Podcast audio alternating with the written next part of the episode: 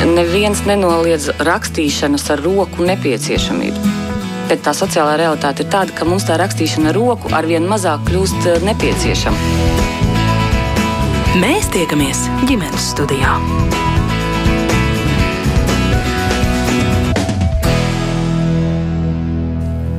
Jā, labdien! Savu skanējumu sāk Latvijas radio viens ģimenes studija. Turpmāko stundu ar jums kopā šeit es Agnes Link un arī visu raidījumu radošā komanda.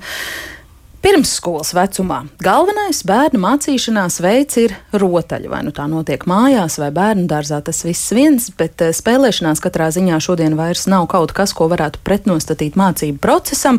Tas ir galvenais bērna darbs, ja drīkst tā teikt, galvenais veids, kā kaut ko jaunu apgūt. Kāpēc tas tā ir un uh, kur tad mums vecākiem un pedagogiem smelties kādas idejas tādai radošai, izglītojošai laika pavadīšanai ar bērniem? Par to ģimenes studijā mēs esam runājuši nereiz vien un runāsim arī šoreiz, jo mūsu drauga, varētu pat teikt, radinieka sabiedrisko mēdīju portāla LSMLV paspārnē ir iznākusi jauna, ļoti apjomīga grāmata 365 radošas idejas zinātnē skolāriem bērniem. Un arī par grāmatu, kā vienu no ceļvežiem bērna rotaļāšanās un mācību procesā, būs šī saruna. Kā vienmēr jūs, klausītāji, esat laipni aicināti tai pievienoties ar kādiem saviem jautājumiem vai komentāriem. Ja jums tādi dzimst, tad droši neturiet sveci zem pūra, rakstiet mums ģimenes studijai ziņas no Latvijas radio mājaslapas bet par to, cik dažādas mācīšanās spēļu idejas kopā ar bērniem mēs varam realizēt, mums šodien pastāstīt un dalīties gatavas portāla LSMLV sadaļas bērnistaba, veidotāja un arī grāmatas 365 radošas idejas zinātkāriem bērniem autori Ināra Antiņa. Labdien! Labdien. Arī pirmsskolas izglītības iestādes mūsu poga dibinātāja un vadītāja Kristīna Apse šodien ar mums kopā ģimenes studijā. Labdien! Labdien! Bet telefoniski mums pievienojas četru māju mācībā esošu bērnu māma Rita Balode. Sveicināta Rita! Labdien! Jā. Es sākšu ar jautājumu Inārai, kāpēc tapa šī grāmata? Te ir tāda vēsture, kura dod iespēju saprast, ka šī grāmata tiešām bija nepieciešama. Bet vēsture sākās ar to, ka pirms vairākiem gadiem LSM vecāku bērnu sadaļā mēs izdomājām padarīt brīnišķīgu brīvlaiku tiem bērniem, kuri ir mājās no skolas kopā ar mazākiem brāļiem, māsām un, un vecākiem. Un mēs kat, kādu ilgāku laiku, varbūt pat gadu, laikam katru brīvlaiku, katru dienu publicējām dažādas idejas, ko lielie var darīt kopā ar maziem. Un to tur palīdzēja arī rādio, un to mēs popularizējām. Pēkšņi izrādījās, ka interese ir milzīga, jo vecākiem ir, ir pietiekami daudz laika, lai varētu kopā ar bērniem spēlēties. Kā šeit, šajā studijā, reiz teica universitātes profesora Zanda Rubēne, ka nekad bērniem nav bijis tik brīnišķīgs laiks, jo nekad vecākiem nav bijis tik daudz iespēju kopā ar bērniem pavadīt laiku un, un ar viņiem kopā rotaļāties vecākiem arī nav bijis uh, tik konkrēti pateikts, jums ar saviem bērniem ir kopā arī, jāpavada jā, laiks un jārod. Jā, arī tas. Un, un, un, un tad uh, tā ideja pārgāja, tā kā mēs ilgāku laiku, vairākus gadus publicējam katru dienu vienu tādu ideju, un šobrīd ir aktuāls un ļoti, ļoti pieprasīts mēnešu, uh, mēnešu kalendārs. Tad DLSM vecāku sadaļā var atrast idejas veselam mēnesim. Tas tiešām strādā, mēs redzam, ka tas vecākiem ir nepieciešams. Tad no visa tā lielā klāsta tika atlasīts šīs 365 idejas idejas, kas ir nevien tikai 365, bet krietni vien vairāk, jo katrai idejai ir sava varianti vēl. Bet, bet šeit bija mazliet cita doma. Šeit bija doma, ka pirmkārt var vecāki ar tiem bērniem strādāt, izmantojot šo grāmatu, bet otra doma bija, ka ar šo grāmatu var strādāt pirmskolas pedagogi, jo grāmatā Tas sadalījums ir gan pēc tās mācību programmas, kur ir apstiprinājusi izglītības ministrija, gan mācību jomām, lai vecākiem un pedagogiem būtu vieglāk strādāt un, un vecākiem saprast, ko bērni tur, tur, tur dara. Tā kā tas uh, saturiskais uzstādījums šai grāmatai uh, bija tāds, lai lai to varētu savienot kopā gan tajā izglītības sistēmā, gan arī mājas sistēmā, mm. kur vecāki strādā kopā ar bērniem. Un tāpēc arī tās ideju sadalīšana pa tēmām ir pilnīgi dabīga, jo tas ir vecums, pirmskolas vecums, kad bērni mācās burtus, ciparus, skaitīšanu, pēta, izzina, eksperimentē. Un neviena no šīm idejām nav tāda, kur uzreiz pasakā, nu šeit būs tāds vai šāds gala rezultāts.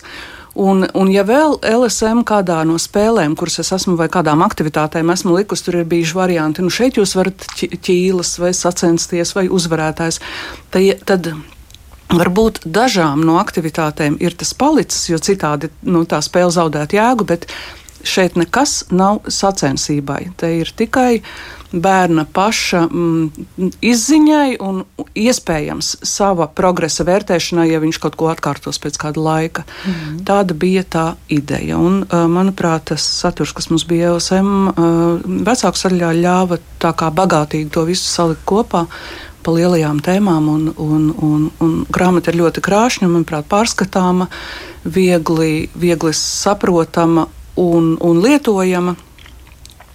Nu, es ceru, ka, ka, ka tas tiešām nu, ka to vecāki un, un, un, un pedagogi novērtēs un varēs izmantot. Un tā ideja dzima vēl pirms pandēmijas laikā, vēl pirms visām mājasēdēm, vai, vai paralēli jau šiem jaunajiem mūsu dzīves Patiesībā ideja, no idejas par grāmatu līdz realizēšanai bija trīs gadi, un tam bija, tam bija arī jā, tad, tad, tas iznāk pirms visām pandēmijām un mājasēdēm. Un, un, un, un tur bija nu, citi apstākļi, jo tādēļ, ka, lai, lai mēs atrastu labāko izdevēju, tas, tas tomēr nu, bija tāds prasa laiku, prasa laiku bet arī nu, pašu materiālu apkopošana arī vēl zinām laiku prasīja. Jā. Tā kā mhm. pirms, pirms maisētas. Jā. Tas formāts ir tādas septiņas sadalītas jomas - burtu darbi, ciparu spēles, runas darbi, smieklu darbi, pirkstu darbi, pētniecības darbi un dabas izzināšanas darbi. Jā. Šīs visas, jā, tātad tās bija tās lielās jomas, bet katrā no tām tātad, tās būtu tādas lielas saturiskas jomas. Bet, ja mēs skatāmies no, no izglītības ministrijas apstiprinātās mācību programmas, tad tur ir, um, tur ir mācību jomas. Tā kā katra, un, un ja mēs atveram grāmatas beigās, ir lielās tabulas, kurās var izsekot līdzi tam, ko ar katru spēli var iemācīt un kādai no jomām tas atbilst, tad mēs redzam, ka neviena no tām aktivitātēm nevar būt tikai burtu darbi, vai tikai ciparu darbi, vai tikai dabas darbi. Tās visas jomas, jo tieši tādēļ, ka mēs runājam arī par bērnu un spēlēšanos, tās visas saslēdzas kopā. Jo bērns nezinot burtus arī spēlējas, un tikai pieaugušais stāvot blakus, tagad domā, oh, jā, mēs tagad eh, te iemācīsimies šo burtu, bet, bet bērns gūst prieku eh, vispār varbūt neapzinoties, ka tagad mēs te kādu burtu mācāmies. Um, tad, tad, saturiski tās ir tās jomas, kuras ir bērnam kā, saprotamas, tuvas un caur kurām pamatā tas bērns apgūst jaunas zināšanas. Bet tur ir visdažādākās lietas vēl apakšā paslēptas, kā piemēram tas, kas ir tajās mācību jomās minēts. Tur bērns izzina Latvijas vēsturi, bērns izzina Bērns izzina tādas gudras lietas kā secības mācīšana, jautājumu uzdošana. Bērns izzina kaut kādas iespējas izdarīt secinājumus no tā, ko viņš tagad ir darījis. Vai caur kādiem, nezinu, apstaigājot parku, saprotot, cik tur ir dažādu koku mizu, piemēram. Un tur ir nu, kaut kādi note, nu, ieteikumi, kā mēs to varam labāk atrast un salīdzināt. Vai, Un tad bērns izdara kādu secinājumu. Vai, piemēram, var, var salasīt ozola zīles un uh, uz tām sarakstīt burtus un nevienu vārdu nestāstīt par to, kā no tās zīles top kāds uh, mazs ozoli, ozoliņš. Ja, bet var arī, var arī bērns tad, kad uzdos jautājumu, kas tad šis tāds par materiālu ir. Un tad uh, noteikti vecākam būs jāatšķir grāmatu un jāpaskatās, ko, ko mēs varētu darīt, kā, kā mēs vēl ar tām zīlēm varētu spēlēties, iet meklēt ozolus, uh, sagatavot tās zīles dīkšanai, lai pavasarī uzdīgst, iestādīt kaut ko, audzēt puķu podā, pētīt gaismas. Nu, tās, nu, tā tad uh, tā, grāmata ir viegli lietojama situācijās, ka ir jāmeklē atbildes uz bērnu uzdotiem jautājumiem grāmatas beigās lielajās tabulās to visu var vienkārši atrast. Mm -hmm. Es klausos un domāju, nu labi, tā ir tāda esence no LSM bērnistabā vairāku gadu garumā jau iekšā esošām un saliktām lietām, bet no kurienes rodas tās idejas, no kurienes tās, tās vispār tu esi nu, salasījusi vai izdomājusi, kāds jā, jā. ir iespējams? E, spēle ir rotaļa spēle vai šāda veida aktivitāte ir mana interese ļoti daudzu gadu garumā, un šī nav pirmā grāmata šajā jomā. Es esmu strādājusi arī Jūrmālas alternatīvajā skolā, kur tas bija pamatā. Es esmu piedalījusies izglītības ministrijas projektos, kur tieši par spēlēm esmu arī domājusi, kā piemēram valodu mācīt, kā bērnam, kā bērnu ieinteresēt, tur mācīties gramatiku ar spēļu palīdzību un ar ļoti elementārām lietām. Šeit, šeit arī šajā grāmatā nav nekā tāda, kur būtu jāpaņem biezais naudas maks un jāiet uz veikalu, lai nopirktu kaut kādas nepieciešamās jā, lietas. Mm. Nē, to mēs visu taisam mājās no tā, kas mums pašiem ir. Un, tātad, tas, ir, tas ir viens. Es esmu tiešām apzināti pētījusi dažādas spēļu veidus, un šī grāmata arī topot, ir, tas ir bijis viens no pamatiem, lai izmantotu pēc iespējas dažādu, dažādus veidus aktivitātēm, no kurām tas vecāks vai bērnu dārza pedagogs pats atvasinās citas bezgalīgi daudzas idejas, bet, bet uh, gan pēc tā satura, gan arī pēc tiem veidiem tas, tas materiāls tika gatavots tā, lai, lai saliktu to, tās idejas pēc iespējas vairāk. Jo, jo ir, nu, Nezinu, var spēlēt domino, var paši taisīt domino kauliņus, vai nu, kā, kādā veidā parādīt, ko, ko var vēl kā idejas atvasināt. Tas ir um, nu, tā, tāda ilgāka, mm, ilgāka laika rezultāts, jā, ko es esmu krājusi un sakrājusi tās zināšanas mm. savā, savās darba gaitās. Mm. Es tūdaļ iesaistīšu sarunā arī pārējās dāmas, kuras eh, pa, pacietīgi klausās un, un eh, gaida, bet vēl, eh, Inār, tevī klausoties, man ienāca prātā, nu, labi, ar pedagogiem mums viss ir skaidrs, viņi ir profesionāli kvalificēti. Cik gudram ir jābūt vecākam? Lai, lai ar šo darbotos? Vecākam ir jābūt vienai vienīgai um, vadugunī. Nu, viņam ir jāgrib kopā ar to bērnu izdzīvot to. Te nav nekā tāda, ko vecāki nevarētu realizēt. Nekā pārdabiska. Ap, nekā pārdabiska, un piedāvām vēl arī pie, tām, pie tā apraksta ir doti vēl klāt kādi paskaidrojumi. Ja, piemēram, tur ir kaut kāds materiāls, kurš prasa paskaidrojums, tad tas paskaidrojums arī tur, tur vēl ir dots klāt, tā kā vecākam būtu, lai būtu vecākam ar to vienkāršāk strādāt.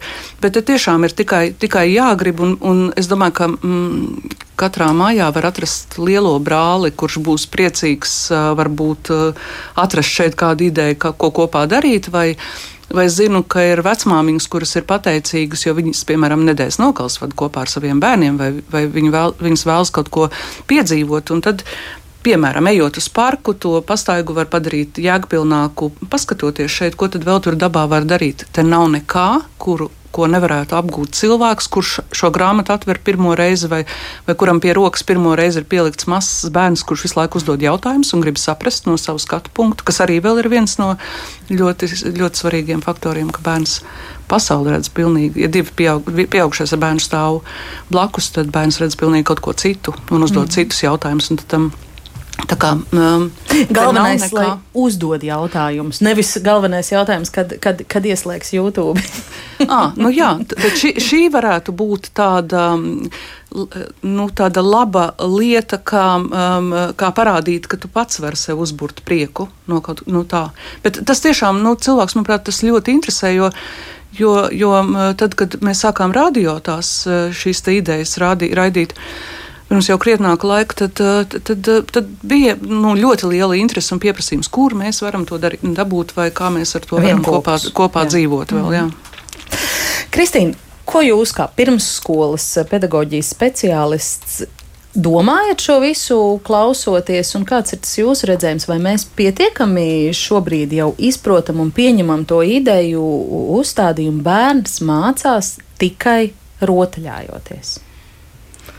Es eh, klausījos runātājā, un tā iekšēji smaidīja. Es domāju, cik labi, ka tā grāmata jau ir ceļā uz mūsu bērnu dārzu. Jo eh, tas, ko es eh, saredzēju, es jāatzīst, neesmu izlasījusi vēl no vāka līdz vākam, bet es esmu izšķirstījusi un es saredzēju brīnišķīgu iespēju tieši impulsiem. Jo man liekas, gan tiem, kas ar bērnu nodarbojas, vecākiem un pedagogiem, un arī pašiem bērniem, īstenībā bieži vien vajag tikai impulsu Uh, lai tas bērns um, aktīvi, radoši, liekot lietā savu iztēli un tā brīža dzīves pieredzi, pats tālāk vestu to procesu, iespējams, ka pat autorē vispār nezināmā virzienā un, uh, un uh, pilnīgi radot pats savu grāmatu 365 idejām. Tā kā noteikti. Es jau jūtu, ka tur būs ko smelt un, un darīt. Bet atbildot uz jūsu jautājumu, to otro daļu, vai tas notiek? Es jāatzīst, ka varu tā godprātīgi spriest tikai par mūsu bērnu dārzu. Man gribās teikt, ka ne tikai mūsu bērndārs, bet daudzi bērnu dārzi jau tomēr arī pirms šīs te kompetenču pieejas ieviešanas ir strādā, strādājuši vadoties pēc principa, ka bērns mācās rotaļājoties, un tur varētu likt vēl vienādojumu zīmi rotaļājoties, darbojoties un darot. Mazāk klausoties, pasīvi sēžot un it kā, nu, uzņemot to informāciju. Un, Nu, man, man liekas ļoti svarīgi, ka, lai ko mēs bērnam mēģinātu iemācīt, pirmkārt jārada interese, tas impulss. Un, no manas pieredzes, tas viens no viens no galvenajiem momentiem ir uzrunāt bērna jūtas, uzrunāt viņa emocijas ar kaut ko, lai viņam iedegās acis. Lai tur ir materiāls, kas varētu arī viņa maņas Mm, stimulēt, kaut kas redzams, dzirdams, taustāms, uzreiz varbūt pielietojams praktiski. Un tad bieži vien atliek tikai ļaut tam bērnam pašam tālāk darīt, risināt, paiet maliņā, vairāk vērot, būt par tādu zinātnieku vērotāju, piefiksēt, kur man vēl vajadzēs viņu pavirzīt, un, un, un, un ļaut viņam izzināt pašam. Un vēl viena lieta, ko es gribēju pateikt, um, tajās jaunajā kompetenci pieejā, ir tāds brīnišķīgs mērķis, kas saucās rotaļu nodarbība visas dienas garumā. Un uh, par to tā domājot, uh, nu, tā pirmā doma ir ārprāts. Nabaga skolotājs. Tagad viņas daž, nu, daudzos bērnos strādā 12 stundas no 7. Visas dienas garumā viņai tagad slapju muguru, Jāvada, jāvada nodarbība. rotaļu nodarbība. Div, labi, ir pusdienlaiks, paldies Dievam, pa vidu, kad viņi tur var atpūsties, bet īstenībā jau Mm, un tad, teiksim, klasiski es zinu, ka ir tāda pieeja, ja, kad ir šīs skolotāju organizētās nodarbības, kur skolotājs izpaužās, viņš ir sagatavojis brīnišķīgi, strādā kolosāli, izmanto grāmatas un visu kaut ko. Viss labi. Uh, un tad ir tā saucamais bērna brīvais laiks, nu, kad viņš it kā. Nu, tā no tāda, no manas tāda pedagoģa viedokļa, nu, viņš neko nedara. Lai viņš tagad viņam ir brīvais laiks. Nu, savā starpā spēlēs. Jā, jā. jā, bet tas ir tāds, tā kā tāds, nu, otršķirīgais laiks tad es izprotu to rotaļu nodarbību visas dienas garumā, ka svarīgākais ir nevis pedagogam slapju muguru noskrieties, nodarbinot bērnus, bet iekārtot vidi. Eh, un to dienu sastruktūrēt tā, lai ir maksimāli daudz iespēju bērnam šo te brīvo laiku pavadīt jēgpilni, tieši kā jūs teicāt, rotaļājoties ar, ar draugiem tajā brīvā spēlē. Bet, um, nu, tam ir arī vajadzīgs ļoti liels darbs. Tad tas nozīmē. Uh, materiāli, ko viņš tajā brīvajā spēlē izmantos. Tam nav atkal jau jābūt nekam sarežģītam. Audumi, kastaņi, zīles, kluči, krēsli galu galā, no kā var būvēt vilcienus un autobusus. Un tad arī um, šis brīvais laiks pārvēršas tajā rotaļu nodarbībā visas dienas garumā. Un tur atkal atti attiecīgi ir vajadzīgi tikai uh, impulsi, Iespējams, ka korģēšana kaut kāda, jo bērni mēdz iestrēgt savā rotaļā, viņi mācās risināt konfliktus, būt par līderiem, būt par izpildītājiem, meklēt risinājumus. Nu, teiksim, viņi spēlē autobusos, un tur radās problēma. Autobus ir salūzis, kā tagad, kurš labos, kurš nē, radās ķīviņš, kautiņš. Un tad ir pedagogs, kurš tur palīdz, bet arī nevis liekot kaktā, bet mēģinot uh, atrisināt, kurš tur tagad būs tas šoferis, mehāniķis un tā tālāk.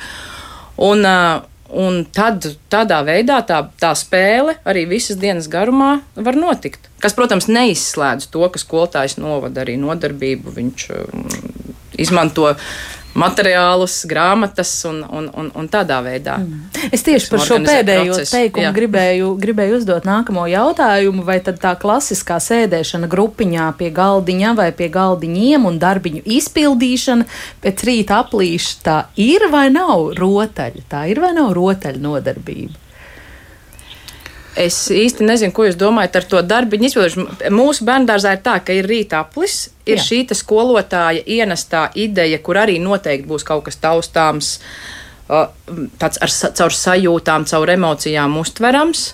Iespējams, ka tur vēl ir kāda dziesma un kustība rotaļa, un tad bērni tiek palaisti telpā, vidē pie galdiņiem, uz paklāja, kur viņi atrod plauktā to savu nodarbi, Un, protams, ka tā ir spēle. Viens liks puzli, un tā ir spēle. Divi no klučiem būvēs torni, un tā ir spēle. Trīs meitenes leļu mājā um, klās galdus un gultas lēlēm, un tā ir spēle. Un uh, trīs lielākie paņems burtu kastes un liks vārdus. Un viens varbūt jau rakstīs rakstiskiem burtiem, un arī tā ir spēle. Tur jau arī radās tā rotaļnodarbība. Mm. Tas nozīmē, ka jūs viņus nesēdināt, piemēram, pie galda, neliekat izgriezt burtiņus vai kaut ko tādu. Nē, mēs piedāvājam noteikti arī izgriezt burtiņus, bet arī tur ir pirms tam jābūt stāstam. Jo ir ļoti liela atšķirība, vai jums, uh, uh, nu, kā bērnam, skolotājs kaut ko tur izdarīs, un tad tagad visi sēžam, reku papīrs, grieziet šo burtu. Vai tur pirms tam jau būs pasaka par koku, kurš bija ļoti skumjš, jo viņam bija pazudis tur burts. Kaut. Nu, es labi, ļoti improvizēju. un tad, kad ir tā interese un vajag iet un palīdzēt, un tāpēc varbūt griezt to burtu, tad atkal ir nu, tas process iegūst tādu spēles nokrāsu. Mm -hmm. Ināra, tu ievilki elpu. Jā, es ievilku elpu tādēļ, ka tas, ko tu jautāji, manuprāt, ka tajā tavā jautājumā apakšā ir paslēpies, vai ir tas, ka visi ir apsēdušies pie galdas. Nu, apmēram es tagad mm -hmm. iztēlojos, ja skolotājs uz tāfeles uzrakst burtu A, tā iespējams ir bērna pirmā satikšanās ar šo burtu, nu, vai, man, vai, vai varbūt nav pareizais piemērs jau, un tad mēs uz lapas kaut ko daram. Un starp tiem visiem bērniem, kuri tur pie galda sēžot uz lapas kaut ko dara, iespējams viens vai divi būs pilnīgi laimīgi, un tas viņam lieliski ar viņu strādās šī metode metode, bet, eh, bet eh, ļoti iespējams, ka lielākā daļa no tiem bērniem to, to skolotājs labo gribu nemaz neustvers vai skolotāja. Tā kā eh, es domāju, ka tas, ka, ka jā, tā, tā, tā, tam bērnam būtu jābūt iespējai izvēlēties arī, arī to, to šo metodi, kas ļoti labi varētu arī strādāt. Bet, bet tam pirmajam impulsam būtu tā, tā bērna interese, un tad jau, un tad jau tālāk tas, tas pedagogs, kuram būtu jābūt pietiekami redzīgam, gudram, un uh, viņam azotē ir ļoti daudz ideju, kā to visu attīstīt un pastiprināt, lai bērns to interesi un to ceļu nezaudētu, tad, tad, tad, tad, tad tā ir rotaļa. Mm -hmm. Arī pie galda sēžot. Mm -hmm. Rita, piedodiet, mēs tik ilgi jūs esam atstājuši novērtā, bet neesam aizmirsuši, aizmirsuši par jums. Tagad es eh, dodu jums eh, vārdu un gribu, lai jūs izstāstāt, vai un kā jūs, kā četru bērnu māma, kas pie tam māca bērnus mājmācībā, kā jūs mhm. savā ikdienā, ja realizējat šo mācīšanos caur rotaļāšanos, caur spēli, cik veci vispirms ir, ir jūsu bērni? Jā, es ar interesi klausījos eh, stāstījumus, tā kā eh, nav vispār žēl, ka bija jā, jāgaida. Bet jā, man ir četri bērni, mums ir vīri. Ja. Eh, jaunākai ir gadiņš, vecākai ir 11 gadi, mācās 5. klasē jau tālmācībā, viss pirms tam gadu bija mājmācībā, un tā pa vidu man ir piecgadnieks puisīts un vēl viena meita otrā klasītē, kas mācās. Lūk, par rotaļāšanos. Man liekas, ka man bieži jautā, nu, cik stundas dienā jūs tur mācāties, vai kuras, vai no rīta, vai vakarā. Un tā, un es domāju, ja, ja nāktu tāds cilvēks no malas un skatītos, viņam varētu likties, ka mani bērni tikai rotaļājas, un mēs visi tikai smejamies, jokojamies, mēs pārģērbamies, mēs, uh, ka viss ir viena rotaļa, un tāpēc man prieks, ka arvien vairāk tādu raidījumu izglītojuši, un arī vispār izglītības sistēma mainās un saprot to vērtību, cik aši un ātri un viegli var apgūt daudz ko. Uh, caur rotaļām. Un, um, es varbūt kā piemēru varu teikt, man pašai no nu, sirdī tuva tā Montessori pedagoģija, un, un uh, Montessori ir, piemēram, ļoti daudz interesantu tādu pasaku veidu stāsti, stāsti par vāršķirām, kur ir karaļi, lietvārdi un karalienes tur, uh, tad ir uh, pasakas par ģeometriskām figūrām, un es, piemēram, kā, nu, kā māma vai kā skolotāja tajā mirklī nāku ar aizrautību izstāstu šo stāstu par uh, riņķi, kvadrātu un trīsstūru, bet kā pasaku. Un es tā kā iedodu to impulsu, un es varu tad ar, um, nu, laimīgi vērot, ko viņi dara ar to impulsu, kā grib zīmēt, kā grib izveidot šīs figūras un tam līdzīgi. Un es ļoti piekrītu tam uh, viedoklim, ko izteica, ka ļoti svarīga ir tā vide. Un es tiešām esmu nu, jau gadus daudz mākslinieks, un sapratu, ka uh, man man ir visi, kā, visas iespējas izveidot tādu mājā vidi, kas rosina jēgpilni pavadīt to brīvo laiku.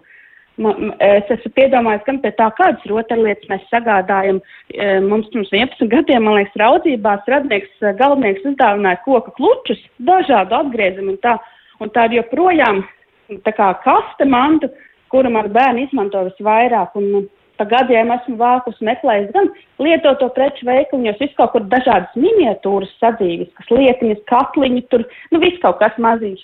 Un maniem bērniem tā ir viena no mīļākajām rotaļām, kur viņi spēlēs, nu, visi trīs kā lielākie, būvēt pilsētas, mājas un izdzīvot dažādu, dažādu savas dzīves notikumus. Un es uh, diezgan spilgti atceros arī, kad, uh, man liekas, vienai no veciem bija seši gadi, un mums, uh, mana vecmāmiņa nomira. Un tas tāds, tāds pirmais tāds gadījums dzīvē, un, un tas tā spēlēšanās ar tām mājām, un tā, tas bija veids, kā viņi izprocesēja to, kas ir noticis, kas bija tās bēres. Tā, tā kā es redzu, ir ļoti daudz tādus, kad uh, nu, sociāls notikums var izspēlēt tādā savā ziņā bērnam saprotamā veidā, jo nevienmēr visi zina, ko tieši vecākiem pajautāt, ka viņi varbūt paši nesaprot, ko viņi jūt un nesaprot. Un tā, un tā spēlēšanās ir bijis ļoti labs.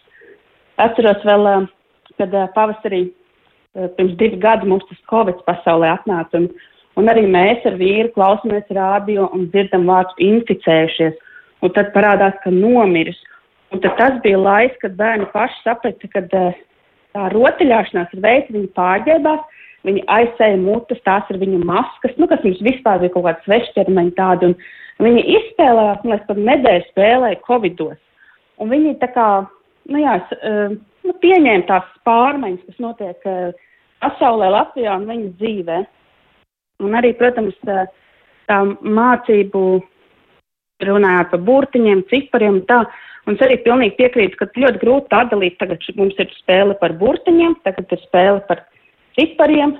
Tā kā tajā ikdienā ievīt to visu laiku jau var visu paskaidīt, uh, burtiņus visu kaut kur saskatīt un tā. Un, uh, man arī ļoti patika, ka minēja tās tos piemērus par pastaigām dabā. Un dažreiz, kad mēs esam devušies tā kā pastaigā, man patīk arī izmest tādu jautājumu, uzdot, piemēram, tagad mēs ejam, ir tāds viss drūms, kaut kāds oktobris, ne novembris, laikam viss jau nobiris, ir aiz tās lapas. Es saku, nu, pameklējam, kas mums liek, ko mēs redzam dabā, kā daba gatavojas tai ziemai. Runājam, kāda ziema ir, ar ko viņa atšķiras no rudens. Kāpēc nevar uzreiz no vasaras būt iekšā ziemā? Kāpēc vajag to rudeni? Un tad meklē bērni tās uh, ka viss nokauts, kaut kādas sēkliņas veidojas, ka dzīvu putniņus vairs nedzird dziedam, un tā kā tā tāds sava veida, nezinu, rotaļa vai tāds, nu, tāds impulss, uh, ideja, ko tik pasvied, un, un tad baudi, ko nu viņi paši rada un atbildi. Nu, jā. Rita, bet, ja drīkst vēl jums vaicāt, kur jūs smeļaties idejas, iedvesmu, gal galā arī zināšanas, ko un kā darīt, kā šīs kā šo mācīšanos caur spēli, caur rotaļu piedāvāt un organizēt, vai, vai jums nekad neaptrūkst tas padoma? Uh, nu jau es jau zinu, kur meklēt, vairs neaptrūkst. Bet, uh, nu, kad bija pirmais bērniņš un tie desmit vai desmit gadi atpakaļ, tad man ļoti palīdzēja aizdoties tādiem Montore kursiņiem, kur māmas daudz mācījās. Pirmkārt, iepazinos vēl ar mammām, kas tā kā domā, kā saviem bērniem to, to, to ikdienu padarīt tādu jēgpilnāku. Tas ir viens, tā kā izveidojās draudzības, un man joprojām tās draudzības ir, un mēs apmainamies idejām. Tā, bet tagad jau, man liekas, internets pilns grāmatnīcā tiešām nekur ar jaunu grāmatu izdot ar, gan ar idejām un eksperimentiem. Tā, bet uh, viens ir, ka tā grāmata ir. Man ir varbūt tāda privileģēta, nu, tāda privileģēta, man ir 11-gadīga meita, kura var izlasīt eksperimentu, uztaisīt, parādīt mazajiem, un es tur varu pat tikai paskatīties pa durvis šķirbi, bet, kad ir mazāks, ir tiešām vajadzīga tā nu, vecāku, vecāku tas tā iedvesma, enerģija, aizrautība un tā pielība bērniem parādīt, ka tas ir interesanti. Nu, interesanti. Bet jā, tā kā mums jau viss ir internets, grāmatiņas, un, un man liekas, arī ļoti vērtīgi ir uh, televīzijā tagad raidījumi bērniem. Tur arī eksperiments taisa, viņi kaut ko līmē, griež, un viņi tik kaut ko noskatās brīvdienās, tad raidījumu, un, un visi vēl kārā tas šķērs, tas to līmē, līmē taisa. Tā kā, nu jā, Tāds lūk, Ritas eh, stāsts, ko manas studijas klātienes viešņas eh, domāja šajā aktīvajā, enerģiskajā mamā klausoties. Apsveicama, apsveicama vēlme darboties kopā ar bērnu. Nu, jā, tas arī ir tas, tas ceļš, kā, kā ar bērnu kopā kopā dzīvot. Un te ir tas, tā, tā vēl jaukā piebilde, kas bija beigās par to, ka ir paveicies, ka ir lielā māsa ja bija. Ja? Kā pedagoga asistents. Jā. Kā pedagoga asistents, jā. Tātad, protams, katra vecuma bērnam ir, ir savas zināšanas, savas intereses un savas vēlmes.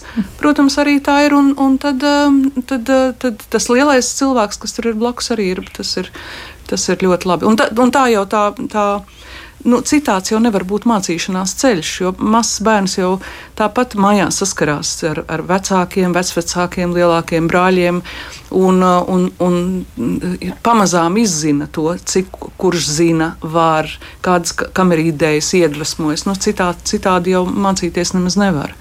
Bet tas, ka nu, ļaut tam bērnam pašam izzināt un ne, neuz, neuzbāzties ar to, ka noteikti ir jādara šādi vai caur šo ceļu ir jāmācās, nu, tad tas man liekas ir diezgan gudri. Nu, mm -hmm. Vai vadīt un palīdzēt. Un, Jo bērns jau mūžīgais, mūžīgais jau, jau hrestomatizētais stāsts par pieaugušo un bērnu, kuram, kurus nosēdina blakus un abiem priekšā noliek vienu papīra baltu lapu. Tad bērns uzreiz sapratīs, ko ar to darīt. Pieaugušais meklēs, kur man te nav iedots pildspalva, vai kur ir tās krāsas, vai šķēres, un ko tad man tagad ir jādara. Jā, bet mazajam būs mm. saprotams, ko viņa interesēm un vecumam viņš ar to papīru var iesākt. Mm. Jā, es klausoties runātājā, um, gribēju piebilst, ka um, no nu, mamām, kuras ir strādājošās mammas, kurām ir darbi, veikals, vakariņas, nogurums uh, un, un nu, piemēram, divi bērni, trīs vai viens, ka svarīgākais ir tomēr atrast to laiku un piespiesties. Savā ziņā es kā divu bērnu mamma varu teikt, ka citreiz tas prasa tādu, zinām, iekšēju saņemšanos tajā vakarā Un, lai tas arī izklausās smieklīgi, tās slavenās 15 nedalītās uzmanības Jā. minūtes, ja, īsnībā citreiz tas nav viegli, bet viņās var atrast to kvalitāti. Sevišķi mums tagad tāda superīga grāmata, dabūt tieši to laiku, jo gribēšana jau bieži vien ir prātā, bet realitātē ir uh, ikdiena, kas to laiku noēd. Un tā kā paņemt vienu to ideju, nu, vakarā vienu vai ar bērnu ļaut tikai izvēlēties, reku trīs, ko mēs izdarīsim. Un tad tās 15 minūtes tiešām abām pusēm, gan bērnam, gan pieaugušiem, ir riktīgi veldzējošas un, un iedod to vecāku uzmanību reizē ar to iespēju attīstīties un augt tam bērnam. Tā kā Man gribās iedrošināt visas māmas, lai viņas nekais pelnas galvas, o, 365 idejas nemūžam nav iespējams īstenot, bet to mazo, mazo laiciņu eh, katru dienu atrast un, eh, un, un kaut ko vienu izdarīt mm kopā. Nu, tā jā, Normons arī ne tikai par māmām, par tētiem mums arī ir jā, jā, jāsarās, jo Normons atrakstīs labdien pats galvenais, kur lai rod šim visam spēku.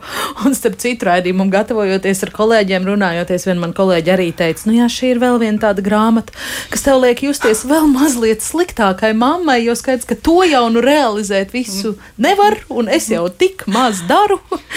nu, jā, tas ir droši vien jautājums par, par Kristīnas pieminēto tādu vecāku enerģijas kapacitāti, atrast, atrast laiku un spēku šīm lietām, ja jūs nesat visu dienu kopā mājās ar bērniem kā Rīta. Es pat ieteiktu ierakstīt plānotājā. Vienkārši 19.15. Anna, 20.00. Kārlis. Uh, man, un par tētiem bija brīnišķīgi, protams. Jā, arī tētiem arī, mamām. protams, jā. Tas ir tik ļoti iegājies un bērnu dārza audzinātājies. Jā, mamma, mamma, mamma. Bet, uh, bet par tām vecāku idejām un lietām, man liekas, ir ļoti skaistais piemērs Ziemassvētku advents kalendārs, kur daži vecāki kopā ar bērniem izplāno un Un, un īpaši arī vecāki izplānojot to sagaida, ka tas radīs tikai vienu vienīgu prieku šīs 365 idejas neradīs tikai vienu vienīgu prieku bērnam. Tas tā nebūs, ka viņš leks uz vienas kājas un katru dienu raus pie rokas mammu un ejam atkal atkārtot šo skaisto brīnumu.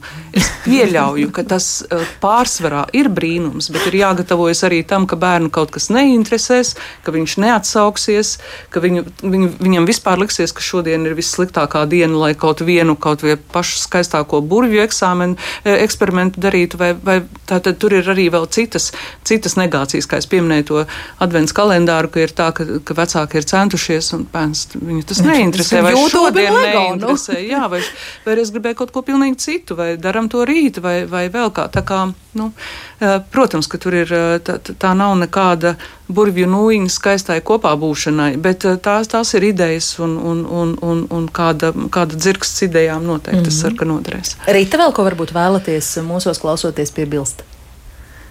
Um, jā. Par to, ka man liekas, ka par to laiku un tā, nu, mēs ar, liktos, ka dzīvojam mājās, ka laika ir atliku likām, bet es pilnīgi piekrītu, ka arī mājmācības uh, mammai ir kalendārā jāieraksta laiks, īpaši, ja vēl vairāk bērnu un tā, jo man viņi, kā saka, tas dzīvesveids tāds, ka mēs uh, paši mācāmies, man bērni apgūst, ko, ko nozīmē pašiem mācīties, viņiem ir iekšēja motivācija un tā, un, un beigās ir tā, ka viņi tāda paši, pašpietiekami paši izdara darbiņus, paši paspēlējas un tā, un ka tā laiks kopā, tas, tas ir kaut kas, uh, par ko jādomā arī tiem, kas ir kā mājās visu laiku ar bērniem ir. Un man, jā, un es, piemēram, labprāt arī kaut ko piespiežos, izlasu nu, to pašu eksperimentu, piemēram, katru rudeni mēs parādām bērniem, kā burciņā, kā var mākoni uztaisīt un kāpēc rodas lietus. Un tad es to atstāju to burciņu, un viņi taisa viņu vēl desmit reizes atkārto un tā, bet tā ir bijusi tāda piespiešanās vakarā, nevis pas, pasēdēt telefonā, bet pat kā tādu eksperimentu grāmatu izlasīt, apņemties vienu uztaisīt, sagādāt lietiņas, un tā, tā kā tas, eh, jā, ir arī dažreiz man izaicinājums to, to izdarīt. Daži klausītāji komentāri. Guntis mums uh, pārmet sievišķīgu pļāpāšanu. Viņš saka, ka jāmāca programmēšana, jāmāca bērnu dārzā jau kas ir tranzistors, kas ir bizness, kas ir lauksaimniecība, kas ir koka darbi un kas ir zinātne. Jā, tas arī ir 365 radošās idejās iekļauts. Protams, kā arī nu, caur, nu, Noteikti ir dažādi ceļi, kā bērnam nolikt priekšā tranzistoru un teikt, jā, tas ir tranzistors, vai arī caur kaut kādu citu, citu uztvers vai piedzīvojumu kā no, nonākt līdz tam. Tā ideja jau ir, ka tu caur tādu, um, nu jā, caur piedzīvojumu, caur, caur izzināšanu, caur nezināšanu, caur jautājumu uzdošanu, tu nonāc pie kādām, nu, pie kādām idejām. Arī praktiskām, arī praktiskām, ir arī tie pirkstu darbi un pētniecība. Jā, protams, darbi. te ir, piemēram, iespēja, vakar, vakar man bija saruna ar, ar, ar, ar pieaugušu cilvēku, kurš teica, ak, Dievs, beidzot ir uztaisīti tie telefoni, kur ir caur auklu savilkti, savil, nu, ko bērnībā atceros, ka nu, tiešām pārbaudīja, vai tā, jā. vai tā skaņa vai ir iespējama, kā Alfons Strītsvaidziņš tur starp stāviem mēģināja jā, uztaisīt. Jā. Jā. Nu, arī šādas, šādas idejas te ir. Nu, jā, tas ir viens no ceļiem, protams. Mm, jā. es pat domāju, ka vairāk ir jautājums par to, nevis ko, nu, par to tranzistoru un lauksaimniecību un biznesu. Uh, nu, mēs te sievišķīgi, kā sievietes, jau tikai sievišķīgi spēj runāt, bet, um, bet mums šobrīd, piemēram, bērnu dārzā tēma ir kosmos. Jā? Un tur galīgi lieki būtu teikt, ka kosmos tur ir kaut kāda ceturtās klases tēma un uh, bērni mm -hmm. no trīs gadiem īstenībā viņi izzina Saules sistēmu un uh, paši gan planētas taisa, gan um, veic eksperimentus, cik tālu katra planēta ir no Saules, bet tur visur ir rotaļa. Par to jau tas mhm. stāsts ir, ka to zinātni īsti, uh, nu, tā kā to tranzistoru izjaukt un likt iemācīties vienkārši detaļas, tā apsēdies kā arlīt, tagad rekutas, tas un tas būs. Tas būs sarežģīti, jo tam bērnam būs ļoti, nu, principā neiespējami to uztvert. Bet gan jau arī tranzistoru varētu salikt caur rotaļu ar, ar tiem mhm. pašiem mm -hmm. līdz sešgadniekiem. Jā. Jā. jā, jā, grāmatā ir gan, gan, gan modeļu, zemes un pavadoņu modeļu taisīšana, gan mēnesis pētniecība un, un arī, piemēram, aicinājums vecākiem iedodiet bērniem savu pulksteni ne, nevajadzīgo un vienu āmuru. Tas viņus darīs ļoti laimīgus mhm. un noteikti daudz jautājumu arī. Jā, klausītājs Silva mums vaicā, vai tad tomēr visu dzīvē var iemācīties rotaļājoties, vai nav par daudz tās spēlēšanās? Svešvalodu, piemēram, ja mācās kārtīgi, nu jāsēž ir mierīgi, jāmācās no spēlēšanās. Ja kas jāmācās nopietnāks, rodas nepacietība, nespēja koncentrēties, nostiprināt materiālu, jā, bet ne jauno vielu. Ar cieņu viņa ir parakstījusies kā angļu valodas eh, pasniedzēja Liepājas biznesa augstskolā, kur studenti joprojām gribēja tikai rotaļāties. Cik jauki.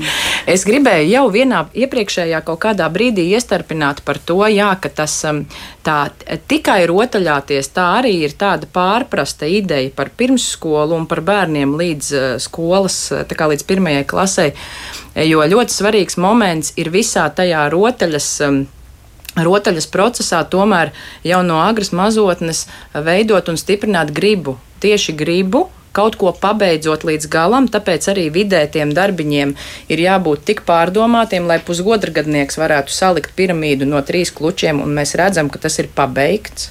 Un viņš mācās, kas ir iesākt, kas ir izdarīt, kas ir pabeigt un kas ir nolikt vietā. Un tad, kad pienāk jau šie seši gadi, un, piemēram, mēs sagatavojam bērnus. Nu, parast, nu, kā parastai, nu, nevis privātai skolai, ja, bet normālai vidus, nu, vidusskolai, sākuma skolai. Ja, viņš vispār izglītojas. Paldies, man pazuda vārdi jā. pēkšņi. jā. Jā. Uh, un līdz ar to tajā pēdējā posmā viņi strādā arī uh, darba lapas. Viņi arī raksta to burtiņu no tāfeles bieži vien. Protams, tur ir kaut kāda ievada daļa, bet principā tajā pēdējā posmā bērnam jau ir jāspēj darīt tas, kas jādara, un nevienmēr tur ir milzīga interese. Mm -hmm. nu, tā, tā kā um, caur to gribas piepūli saprast, ka ir lietas, kas ir vienkārši jādara. Mm -hmm. Jā, tie jau mēs iepriekš jau mazliet pie, pie, pie, runājot par to, ka ne, ne visas tās lietas būs pilnīgas sajūsmas. Loģiski tas mm -hmm. ir mhm. tā, ka bērnam ir jāradinās uh, lietas izdarīt līdz galam, darīt arī to, kas nav pietiekami interesanti. Un šeit arī ir idejas, kuras ir, ir gluži vienkārši tās ir jāiemācās vai, vai, vai tā kā uh, jāizdara. Tas nav tikai, tikai, bet, uh, tikai rotaļi, bet, bet ir, ir saprotams, ka maz, maza bērna tas pamatceļš ir rotaļi. Citādi būt nevar vienkārši. Bet tā, protams, tur ir rakstīšana un, un, un, un, un darba darīšana.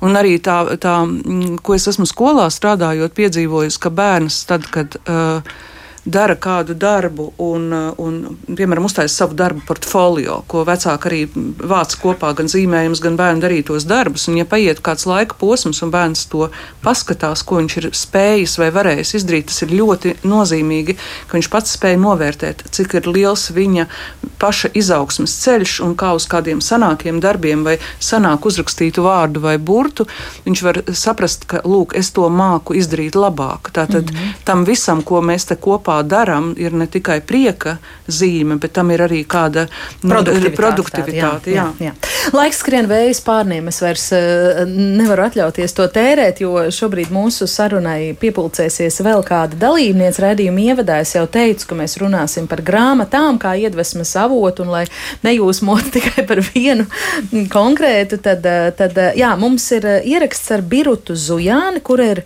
Marijas mamma un Biruta ir arī manas aritmētikas grāmatiņas autore. Un tieši Birutas pašas meitas grūtības iemācīties saskaitīt, motivējušas viņu apkopot dažādus paņēmienus, tostarp rotaļīgus paņēmienus, kā veicināt skaitļošanas apguvi. Un grāmata var noderēt kā pirms skolas vecuma bērniem, tā bērniem ar īpašām vajadzībām, jo bērns ir šīs grāmatas galvenais varonis, kas mācās skaitīt, zīmē un pat spēlē iedomātas klavieres Iris eh, pastāst. Paklausīsimies Birotas stāstītajā. Mums dažādas ir sapratnes un izpratnes, kas ir spēle, bet šeit ir spēle kā improvizācija, situācijas novērtēšana. Nu, būtībā ieraudzīt sev apkārt tajā brīdī, kad tu uh, mācies kaut ko interesantu un to iekļaut eh, spēles procesā. Jo es, protams, nevaru par šo grāmatu runāt atrauti no Marijas, jo man meita ir Marija. Tieši Marijas ideja ir eh, uzrakstīt šo grāmatu, jo viņai nu nekādi ilgus gadus negāja saskaitīšana. Mēs bijām nomocījušās, gan skolotāji, gan Marija, gan es. Un vienā brīdī es ar zīmoli svīkājot, sašvīkāju kaut kādu kompozīciju, jā, un uh, Marija iesaucās, māma, tas ir 2 plus 3 ir 5. Un viss aizgāja. Un viņa teica, nu, uzraksti grāmatu, lai es arī savām draudzenēm varu parādīt, un lai viņas arī iemācītos, kā var saskaitīt. Šis nav metodiskais uh, materiāls. Būtībā šī grāmata ir iedrošināšana vecākiem un skolotājiem meklēt radošo ideju. Jo Marija ilgus gadus nerunāja. Viņa runāja ļoti slikti, viņa runāja ties vienu vārdu vai divus vārdus, un mēs gājām staigāt, es nevarēju sev atļauties klusēt ar bērnu kopā. Un es izdomāju spēli, ieraugi apkārt sev, un mēs skaitījām sarkanas mašīnas. Mēs skaitījām suņus, kas mums nāca pretī. Mēs skaitījām olas virtuvē, kad mēs cepām ruleti cik vajag. Mums bija akcija glābiet sliekas. Uz ielas pēc lietus bija uz, teiksim, uz trotuāra daudz slieku, mēs viņas ņēmām un likām zālīti atpakaļ, un tad mēs skaitījām domās, cik mēs esam viņas izglābušas. Šis ir tas, kas ir pirms šīs grāmatas tapšanas, jo bērni ir ļoti dažādi, un arī tāpēc ir svarīgi, lai grāmatu nepieņem kā kaut kādu tādu rāmi, ja? jo, ja jūs iedos iedosim bērnam rokās grāmatu, viņš pats atradīs būtībā, ko viņam tajā brīdī, tajā grāmatiņā vajag. Viņš pats norādīs uz to, un tad būtībā vecākiem tas ir tāds kā atspēriens solis. Ja?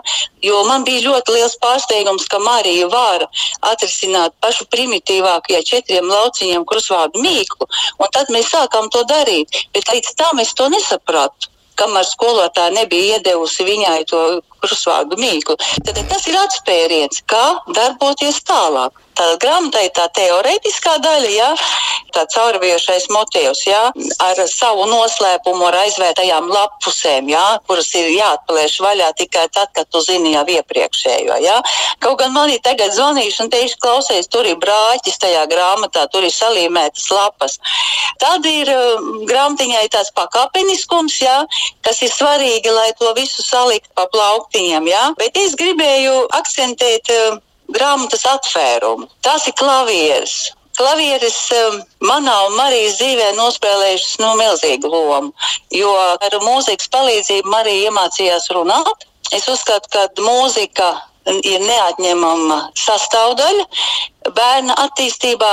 Un šajā grāmatiņā klavierēm ir tāds radošs aspektiņš, ja? un trešais akcents, kas ir um, grāmatā, tie ir cilvēciņi, tie ir Marijas zīmētie cilvēciņi, ļoti nu, tādi klasiski, it kā jā, aplītis, svītriņi, atkal divas rociņas, atkal divas kājiņas, ja? bet um, šiem cilvēciņiem ir ļoti liela nozīme, jo bērni, kuri ir īpaši, viņiem ir viena liela sāpe sāpē, ka viņiem nav draugu vai viņiem ir maz draugu. Un um, grāmatiņa jau es arī uzsvērusi, ka es gribētu, lai tā ir viņam draugs. Tā ir viņa grāmatiņa. Un, um, tur arī neliels teksts pie tās lapas, teiksim, tur ir viens plus viens un divi cilvēciņi un neliels teksts pie jūras aiz loga tev blakus. Un es te vienu piemēru jums. Varu minēt, ja es uzdāvināju grāmatiņu četrgadīgai meitnītei. Nu, viņai, viņai nav veselības problēma, bet es uzdāvināju to grāmatiņu, un viņa man ielīda klēpī ar to grāmatu. Mēs ļoti mierīgi viņu tā izšķirstīja, šķirsta, šķirsta viņu, un pēkšņi iesaucas Anna. Viņa ir uz tās lapus, kur ir divi cilvēciņi. Un es saku, un tas otrs, viņa tā man gandrīz pārmetoši saka, nu kā, kā, kā tu nezini? Tā ir Emīlija. Un mums sākās stāsts, ka tās ir divas draudzenes, kuras nāk pie viņas ciemos. Mēs viņas apģērbām, mēs uzvilkām viņām kleitas, viņa man izstāstīja, kā viņas iet, ko viņas darīs. Un tas bija tas brīnišķīgākais, fantastiskākais mirklis, tā apspēle, tā spēle, ka no vienkārša pelēka uzzīmēta cilvēciņa ir radies jau, jau draugs. Mēs nevaram tādos rāmjos, ka matemātika ir viens plus viens, divi skaiti, jo bērniem, redziet, nu, Marijai viņa nav abstraktā domāšana, viņai nav tā attīstīta. Viņai vajag tā visu kaut kā taustāmi, redzami, saprotami. Un tāpēc jau tā grāmatiņa arī man tapa. Tā metode, viņa ir kaut kā taustāma, viņa ļoti ļoti vienkārši. Tas ir viens vairāk vai viens mazāk. Bet uh, viņa kaut kā atdzīvojas. Man gribējās viņu atdzīvot, izspēlēt šajā grāmatā. Mums ir jāuzdrošinās būt radošiem un, un meklēt. Bez šiem meklējumiem mūsu bērniem būtībā grūti palīdzēt. Un man vakar atsūtīja vēstuli viena vecmāmiņa no laukiem, no dziļiem laukiem pie pašas Krievijas robežas par savu mazbērnu, mazo puisīti, kurš nerunā. Un viņa, viņa raksta, varbūt jūsu grāmatiņa varēs palīdzēt. Un es sajūtu, ka viņa ir tajā meklējumā, ka varbūt ka šis palīdzēs, varbūt tas palīdzēs, varbūt tas, ka viņa saprot, ka jādara ir viss, lai varētu palīdzēt.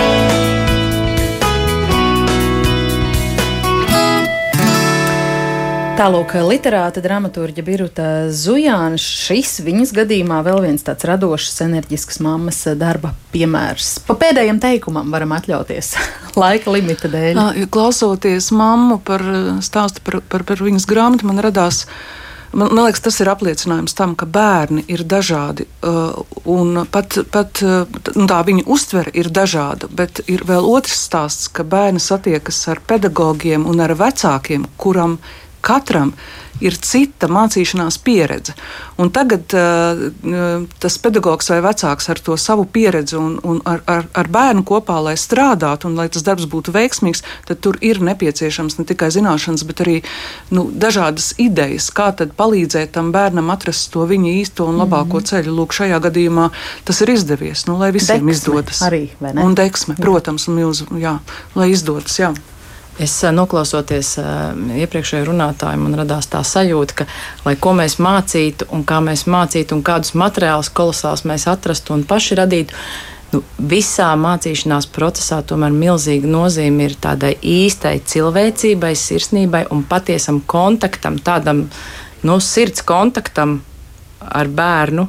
Un tad izdosies, principā, man liekas, jeb, jebkas arī tranzistoru salikt, izjaukt un uzbūvēt pilnīgi jaunu kosmosa kuģi.